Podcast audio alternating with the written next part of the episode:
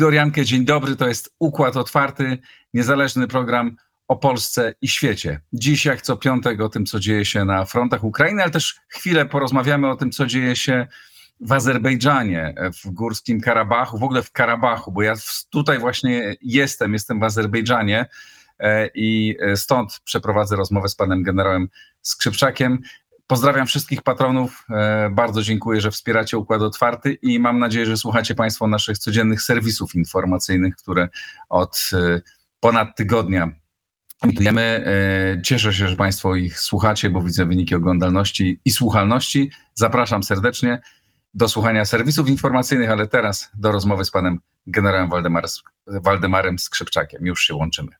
A oto mecenasi Układu Otwartego. Firma E2V zajmuje się sprzedażą i zakupem zielonej energii pochodzącej wyłącznie z odnawialnych źródeł. Nowoferm, dostawca bram, drzwi i ramp dla przemysłu, logistyki oraz użytkowników prywatnych. XTB zaprasza na bezpłatny kurs inwestowania na giełdzie. Bartosz Szyma, zawodowy inwestor, pokaże jak wyceniać wartość spółki giełdowej oraz w jaki sposób budować portfel inwestycyjny. Link w opisie.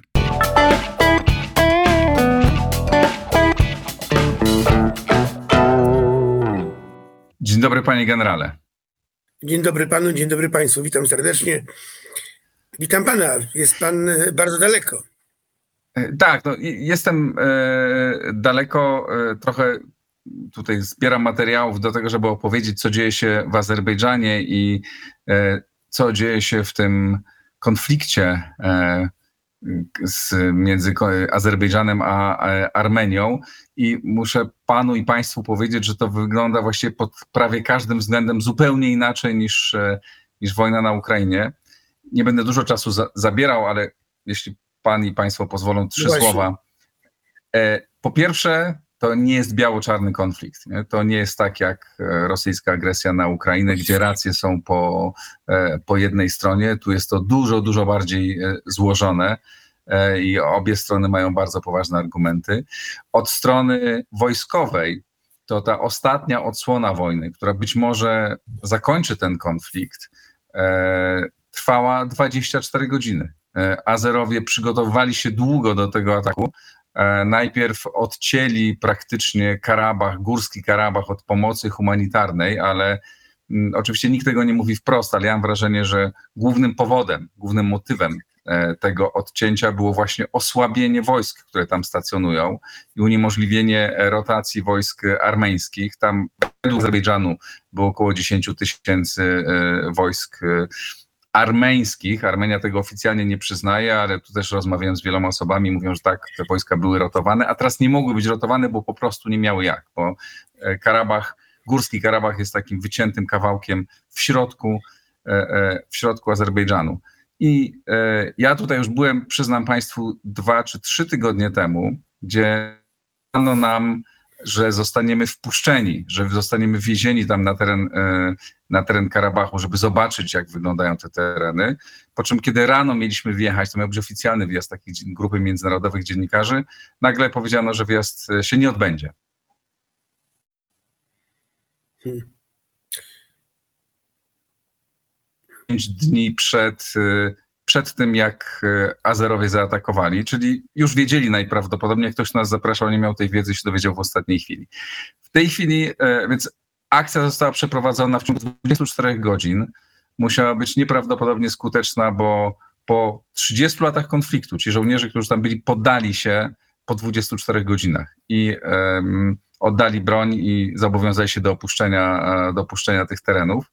E, więc e, ta akcja była niezwykle skuteczna, aczkolwiek nie znamy żadnych szczegółów, e, bo, bo tam nikt nie wjeżdża. Nie wpuszczeni są dziennikarze, żadni obserwatorzy, więc wszystko, co wiemy, to wiemy z relacji obu stron, które oczywiście każda z nich przedstawia swoją, e, swoją wersję i swoje argumenty, e, ale wygląda na to, że ten konflikt ma szansę, choć w sposób bardzo drastyczny i trudny do, do zaakceptowania, ale zostać zakończony, bo prawdopodobnie e, prawdopodobnie no, ten teren przejdzie pod kontrolę Azerbejdżanu już nie tylko e, werbalnie, ale, ale faktycznie. Więc zbliżamy się do zakończenia. Tam oczywiście dzieją się bardzo dramatyczne rzeczy, ponieważ na tym terenie mieszkało około 120 tysięcy Ormian.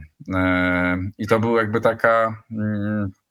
To był teren zarządzany Enklawa. przez, e, e, przez taka enklawa re, przez Republikę Karabaską, których właśnie przywódca, który był związany z Rosją, e, został wczoraj aresztowany przez, przez Azerów, ale z relacji, które tu dochodzą, już poło, prawie połowa tych ludzi, którzy mieszkali tam, Ormian, ucieka, albo już uciekła, albo właśnie z blisko granicy z Armenią, żeby, żeby do Armenii się dostać. Ci ludzie chcą pytanie- przenieść się do Armenii.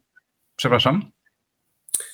Bo w Polsce pojawiły się informacje, że Azerowie przeprowadzają w Górskim Karabachu czystki etniczne. Tak, no to jest, y, moim zdaniem to jest y, przesadzone, y, ponieważ no, według informacji, które mam, które oczywiście są bardzo niepełne i na pewno nie wiemy wielu rzeczy, e, tam nie dzieje się nic takiego. To jest to, czego bardzo obawiają się, czego bardzo obawiają się Ormianie, jeśli rozumiemy przez czystki etniczne mordowanie ludzi, tak? Zdaje się, że tam nie ma nic takiego, tam po prostu ci ludzie uciekają. E, Azerbejdżan oferuje wszystkim mieszkańcom tego rejonu obywatelstwo i wszystkie prawa socjalne również, które przysłu- przysłu- przysługują Azerom. I mogą żyć e, tutaj normalnie, tak jak wszyscy obywatele mogą otrzymywać również pomoc socjalną, tylko muszą zaakceptować to, że e, będą obywatelami państwa Azerbejdżan. No ale Ormianie oczywiście im nie ufają, no i, e, no i opuszczają swoją ziemię. To jest bardzo. dramaty są po obu stronach, dlatego że dzisiaj Ormianie opuszczają swoją ziemię, ale 20 lat temu, czy 30 lat temu e, Azerowie opuszczali swoje ziemię. Tam opuszczało ponad 700 tysięcy ludzi. Coś, czego u nas nie wiemy, na przykład to jest to, że to jest. To była najbardziej zaminowana część świata do e, ubiegłego roku, kiedy, y, kiedy Rosjanie zaminowali y, fragmenty y, Ukrainy. Ale również tutaj jest ten problem jest gigantyczny i przez oni twierdzą, że przez 10-15 lat jeszcze będą rozminowywać. Taka jest sytuacja tutaj. Błyskawiczna akcja, bardzo skuteczna. można? Tak, oczywiście. Bo, pyta, bo pojawiły się też informacje o wkroczeniu rzekomo pokojowych sił rosyjskich do, do Górskiego Karabachu. To Nawet pokojowe takie, siły przekazy rosyjskie. Tak, to, te informacje, one tam były, one nie wkroczyły, one tam były, bo zgodnie z porozumieniem to one miały kontrolować i odpowiadać za tą sytuację. I nawet kiedy rozmawiałem tutaj z, y, y, jakieś dwa tygodnie temu przed wyjazdem z Wojciechem Góreckim, on przewidywał, że tej wojny nie będzie, dlatego że Azerbejdżan nie, za, nie odważy się zaatakować Rosji. Znaczy tych żołnierzy, y, którzy tam stacjonują, no bo to jednak mimo, że jest ich niewielu, to, to tych, tych sił pokojowych jednak, pomimo, że jest ich niewielu, no to jednak zaatakowanie Rosji może być y, bardzo ryzykowne dla Azerbejdżanu. To się jednak stało, znaczy oni nie zaatakowali Rosjan, z czego, jak rozmawiam tutaj też z dyplomatami, wynika, że najprawdopodobniej Moskwa dała zielone światło do tego, żeby Azerowie to e, zrobili. Oczywiście nieoficjalnie, zapewne Azerbejdżan zapłaci za to jakąś cenę, nie wiemy jaką, e, ale mm, Rosja tu jest, e, aczkolwiek jej rola maleje, tak, i po jednej, i po drugiej, i po drugiej stronie. Tak to wygląda, przepraszam, bo Jest. zajęło mi to trochę więcej niż trzy słowa. Panie generale, Czyli proszę pan powiedzieć, co... dzisiaj w roli korespondenta wojennego. No, to nie jestem korespondentem wojennym, bo nie zostałem tam wpuszczony. E, Podejmujemy jeszcze jedną próbę, e, bo tutaj jest, e, to też ważne, żebyście Państwo wiedzieli, tam po prostu nikt nie może wjechać. Nie? Jest, mm, są kontrole na drogach i, i jak tu powiedział jeden z dyplomatów, tu jest demokracja, ale jest i dyscyplina. Więc e, tu rzeczywiście, jak zauważcie Państwo, nie ma żadnych relacji wojennych z, e, z tamtego terenu. Są tylko relacje z jednej albo z drugiej strony i oczywiście one są, no jak to obie strony upra- uprawiają, powiedzmy elegancko politykę informacyjną, e, e, mniej elegancko propagandę. I to e, obie strony przedstawiają swoją, swoją wersję. Panie generale, wracam do swojej roli e, zadawacza pytań. Proszę opowiedzieć wobec tego, co działo się e, w ostatnim tygodniu e, na Ukrainie. Tak, główne wydarzenia to działania oczywiście armii ukraińskiej, kontrofensywa w rejonie Zaporoża I drugie ważne wydarzenia, które opanowały media, to ataki e, armii ukraińskiej na Krym i e, na dowództwo floty czarnomorskiej w Sewastopolu. Te e, dwie informacje zdominowały wszystkie informacje płynące z Ukrainy. Sytuacja na froncie jest moim zdaniem bardzo złożona i bardzo trudna. I coraz trudniejsza, głównie dla Ukraińców. Mm, ma to źródło w tym, że Rosjanie odzyskują zdolności bojowe. Y, wydaje się, że Rosjanie od y, lutego bieżącego roku, kontynuując tą mobilizację, której nigdy nie przerwali, otworzyli, zreorganizowali swoje siły zbrojne, głównie wojska lądowe.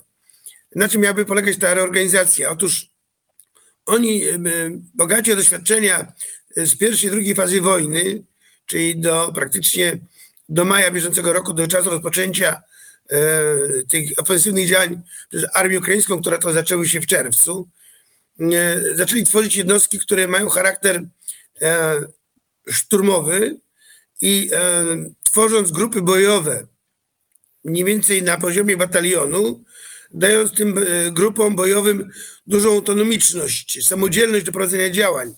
Czyli w tej grupie bojowej są wszystkie elementy poza wojskami ogólnowojskowymi elementy rodzaju wojsk i służb, tak aby te mm, oddziały, te grupy bojowe miały dużą autonomiczność i te oddziały są przygotowane do działań głównie ofensywnych, ale i obronnych, ale generalnie ich e, jakby taką misją to jest szturm.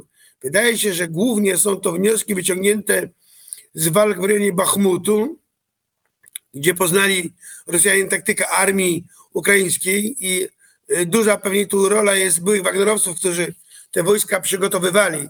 Na pewno tam jest ten wątek wagnerowski instruktorów i doświadczeń przeniesionych z Bachmutu na szkolenie nowych sił armii rosyjskiej. I te siły są coraz poważniejsze i wydaje mi się, że to, co pojawia się w rejonie Bachmutu w tej chwili, gdzie Rosjanie kontratakują, świadczy to o tym, że właśnie y, te formacje powoli docierają na front, choć moim zdaniem ta główna masa tych grup bojowych przygotowywanych od lutego dotrze na front pierwszej połowy października.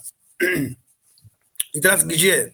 Prawdopodobnie te wojska będą użyte do prowadzenia operacji zaczepnych, nie do obronnych, bo widać po tym, co się dzieje na porożu, Rosjanie jednak prowadzą skutecznie obronę, ja do tego wrócę, natomiast prawdopodobnie do mm, operacji na północnym wschodzie, w rejonie Kupiańskim, w rejonie Łymania, czyli wraca ta idea e, e, uderzenia od północy na Donbas, na Słowiański Kramatorski. W tej chwili moim zdaniem Rosjanie skupiają się na tym, aby stworzyć warunki do prowadzenia tej operacji, czyli te wojska, które tam są, czyli w rejonie Kupiańska, Swatowo, Borowo, Łymań, e, te wojska e, prowadzą działania, które mają poprawić położenie, stworzyć warunki do tego, żeby zająć takie pozycje, które pozwolą jeszcze jesienią wczesną z tamtego kierunku rozpocząć operacje ofensywne zagrażające obronie ukraińskiej na rzece e, Oską.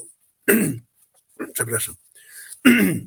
E, teraz e, kluczową operacją dla nas wszystkich to jest kontrofensywa armii ukraińskiej na południu. Ta kontrofensywa od kilku dni utknęła w miejscu. Ona nie jest realizowana na tym głównym kierunku na Melitpol i Berdiańsk, ponieważ e, Ukraińcy w tej chwili poszerzają wyłom. Oni wydarli się na głębokość 15-16 kilometrów w głąb ugrupowania armii rosyjskiej, przemali tą pierwszą pozycję, są w tej chwili siłami głównymi przed pozycją drugą, ale nie rozpoczęli szturmu pozycji drugiej z uwagi na fakt, że ich skrzydła, skrzydła tego wyłomu są zagrożone kontratakami armii rosyjskiej, głównie ze wschodu.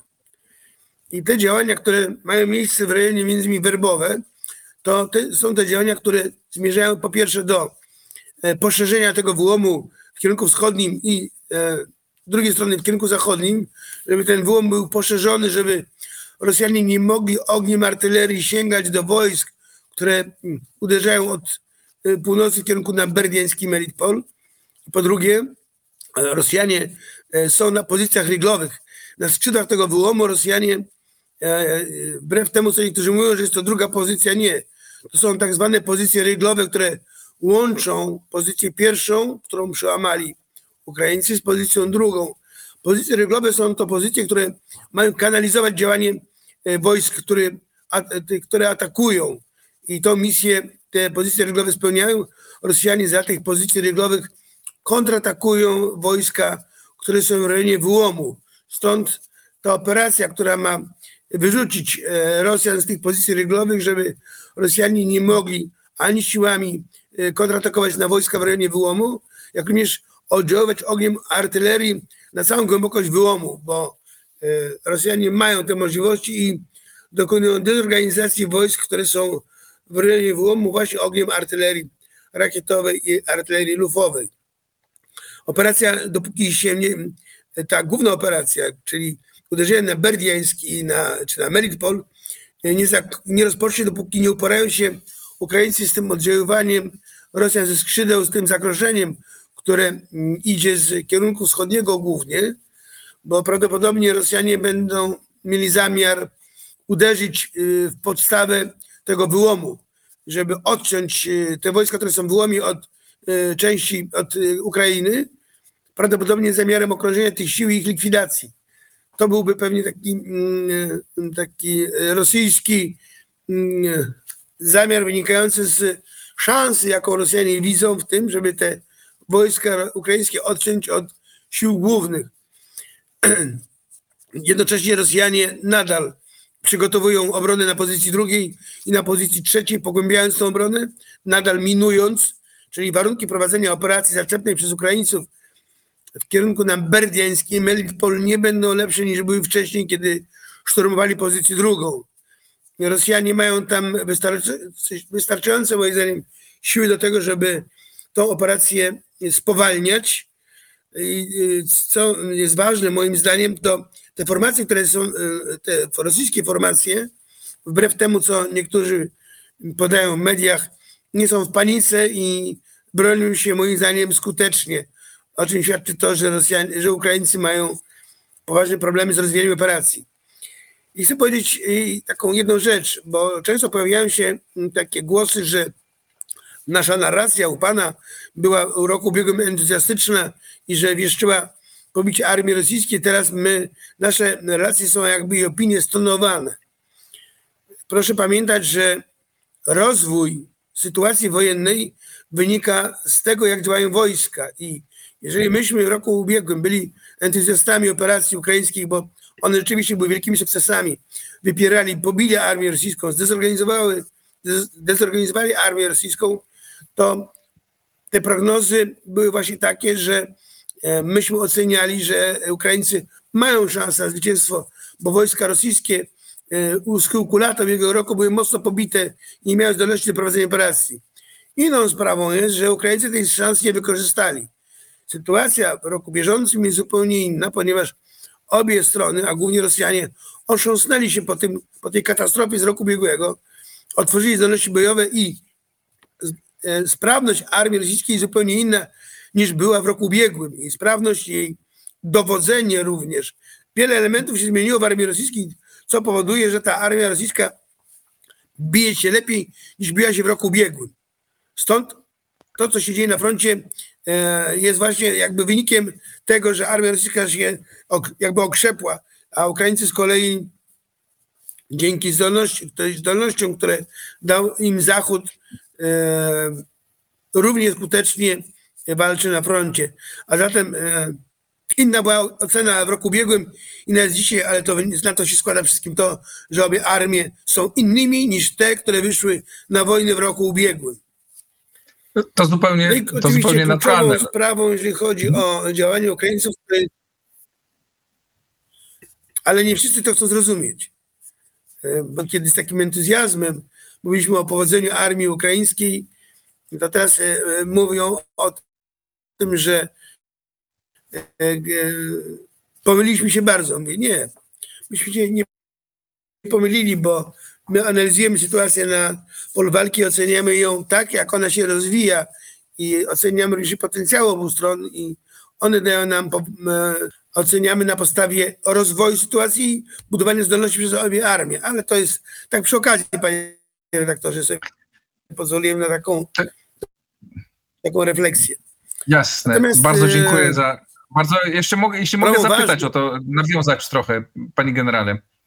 E, Bo wspomniał Pan o, e, no właśnie o zdolnościach obu stron. Ja teraz czytałem taką em, analizę czy wypowiedź chyba w Newsweeku jednego z doradców, em, z były Amerykanina, chyba, który był doradcą prezydenta Zełęńskiego, e, który e, był, rozumiem, w przeszłości. E, Mówił o tym, że e, Ukraina bardzo skutecznie, czy armia ukraińska bardzo skutecznie niszczy artylerię e, e, rosyjską, że zna, znacznie osłabiła jej zdolności, jeśli chodzi o ataki artyleryjskie, a sama jednocześnie no, jest bardzo wzmocniona, bo dostaje, e, dostaje nowy sprzęt. Czy e, pan to potwierdza i e, na ile to może mieć e, znaczenie?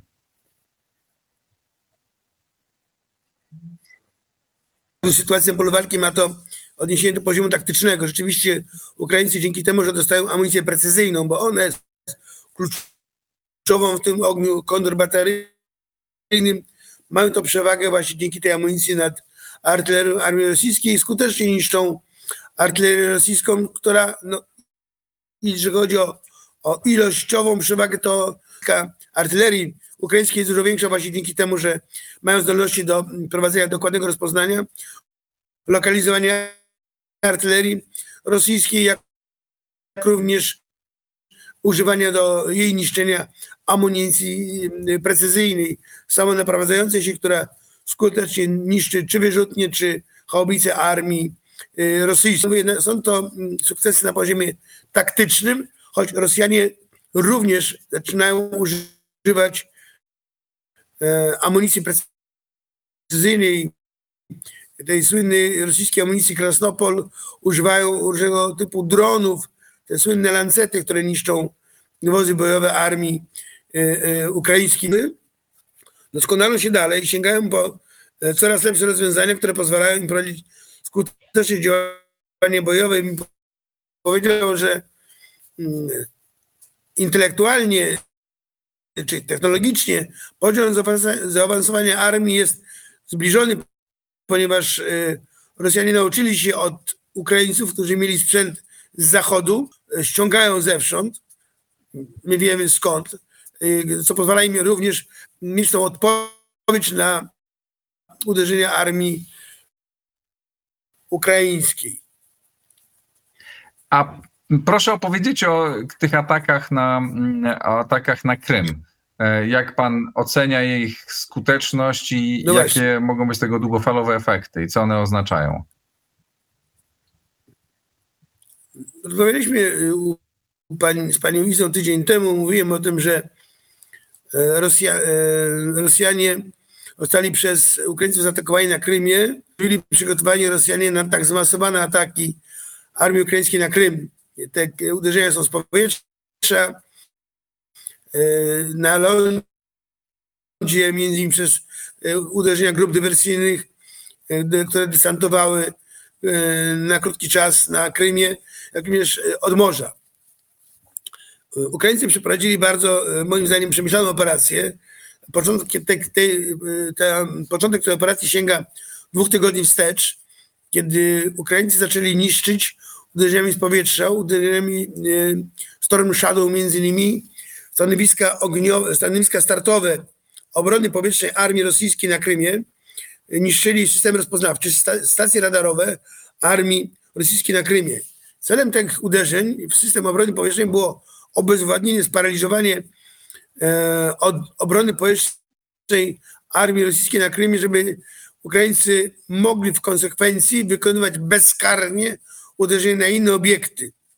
I widać wyraźnie, że ta pierwszy etap operacji został zrealizowany na poziomie bardzo wysokim, ponieważ obrona przeciwlotnicza, powietrzna armii rosyjskiej na Krymie jest obezwładniona i skuteczność jest bardzo ograniczona, co pozwala Ukraińcom, którzy tylko chcą wykonywać uderzenia.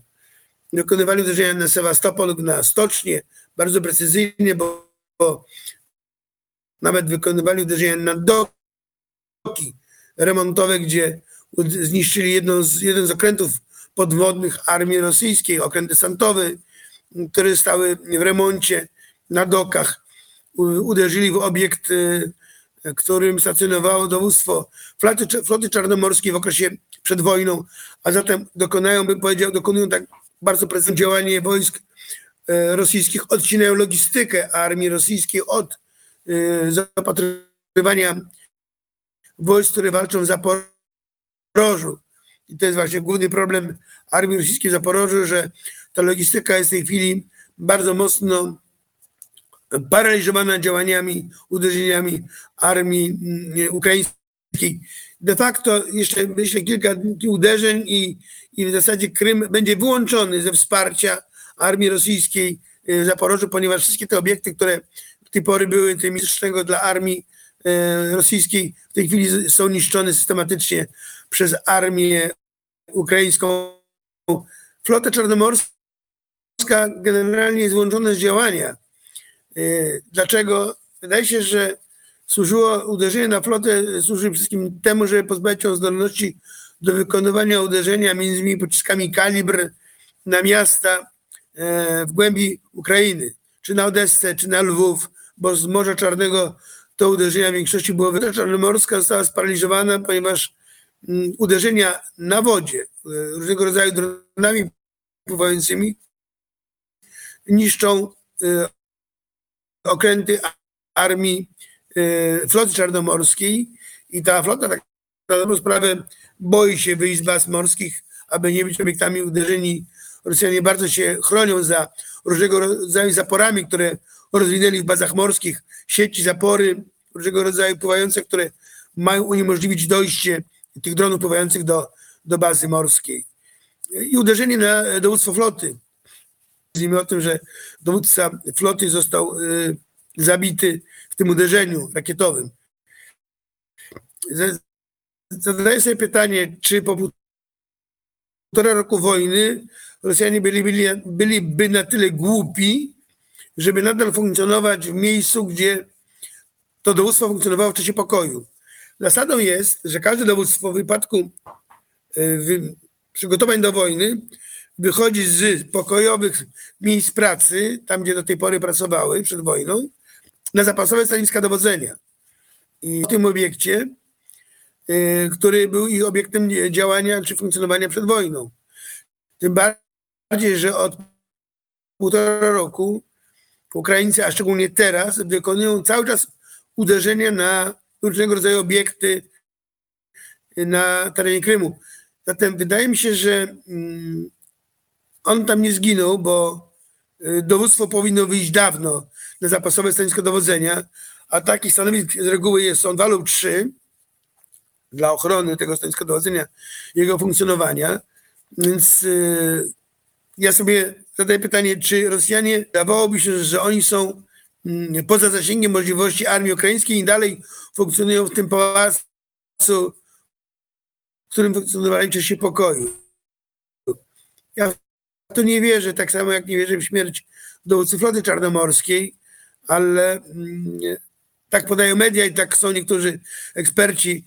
Jeżeli, tak, jeżeli to rzeczywiście miało miejsce, że to dowództwo funkcjonowało tam, mm, gdzie funkcjonowało przed wojną, to świadczy to o tym, że Rosjanie e, nie wyciągnęli lekcji z tej wojny, to po pierwsze, a po drugie nie są douczeni na tyle, żeby wiedzieć o tym, że zmienia się położenie stanowiska dowodzenia, ponieważ zawsze ono będzie obiektem uderzeń armii ukraińskiej, tym bardziej, że Ukraińcy bardzo mocno stawiali w tych wszystkich operacjach na paraliż systemu dowodzenia, więc e, zawsze byłaby flota czarnomorska i dowództwo narażone na uderzenia.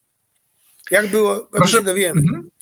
Jasne. Proszę powiedzieć, jakie długofalowe jest tego znaczenie? Czy to jest tak, że Ukraińcy niszczą zaplecze i osłabiają ogólnie e, możliwości działania armii rosyjskiej?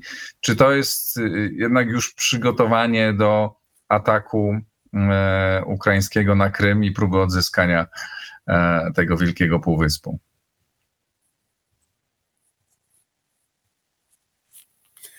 Zdolności armii ukraińskiej, jeżeli chodzi o um, obiekty, które są w głębi, o niszczenie obiektów, które są w głębi armii rosyjskiej, czy w głębi mm, jej, tej, tego położenia operacyjnego, czy ugrupowania operacyjnego, pociski Atakams, Atakams które mogą być wystrzeliwane z, z, z wyrzutni HIMARS.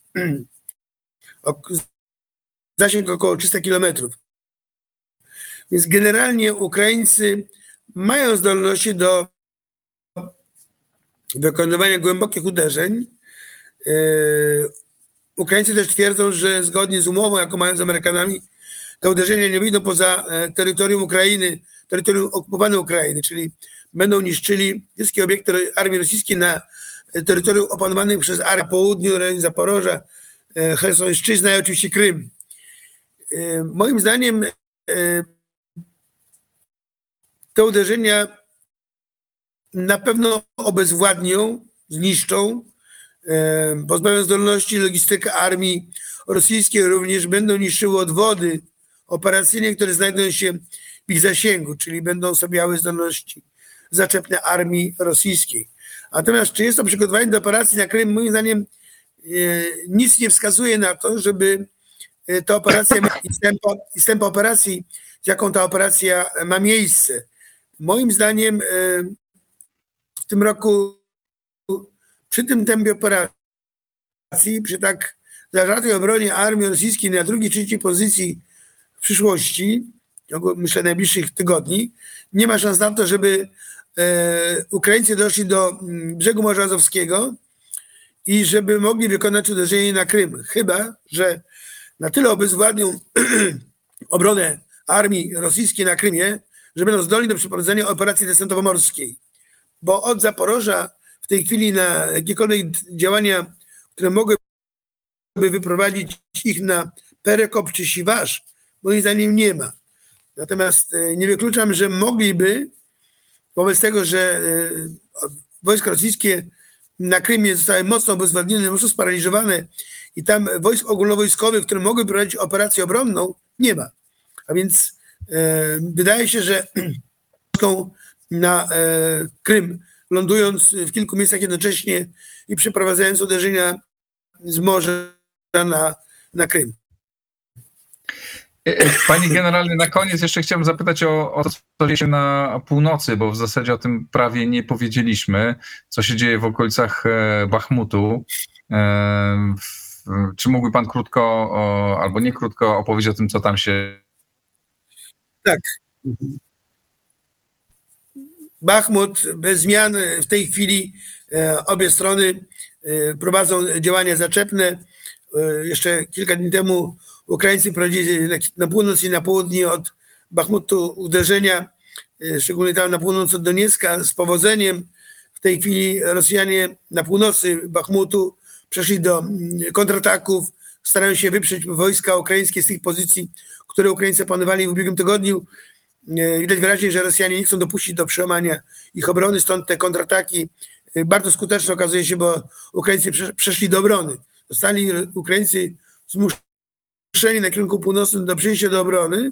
Na południu, w rejonie Awdijiewki, ich działania zaczepne są ograniczone przez to, że Rosjanie tam skierowali swój odwód operacyjny, prawdopodobnie ostatni na tym kierunku, ale wzmacniający obronę. No i pojawiły się informacje, że te zreorganizowane oddziały Wagnerowców, które y, mają już inną pewnie nazwę i prawdopodobnie zostały włączone w, ale już nie jako Wagnerowcy, tylko jako element sił regularnych, ale żołnierze, którzy y, są zaprawieni w boju, którzy potrafią się bić, mm, którzy na pewno y, y, dla Rosjan są wartością dodaną.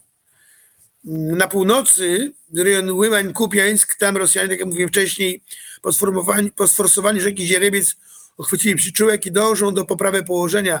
Tą poprawą położenia będzie dla Rosjan wyrzucenie Ukraińców za rzekę Oską, Oskił, jak są niektórzy, i e, przygotowanie e, operacji zaczepnej, która może mieć miejsce po wprowadzeniu odwodów, które wspomniałem o tym, pojawią się na froncie w pierwszej dekadzie października, czyli tych odwodów nowych, które tworzą y, Rosjanie.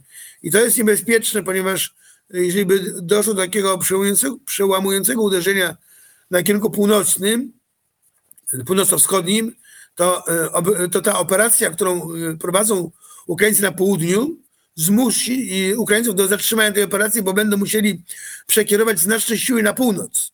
Będą musieli przerzucić część odwodu strategicznego na północ. Co to spowoduje? Spowoduje to, że zabraknie sił do potęgowania uderzenia na południe i rozwijania rozwijania tej operacji, która ma miejsce w kierunku na berdiański Melitpol.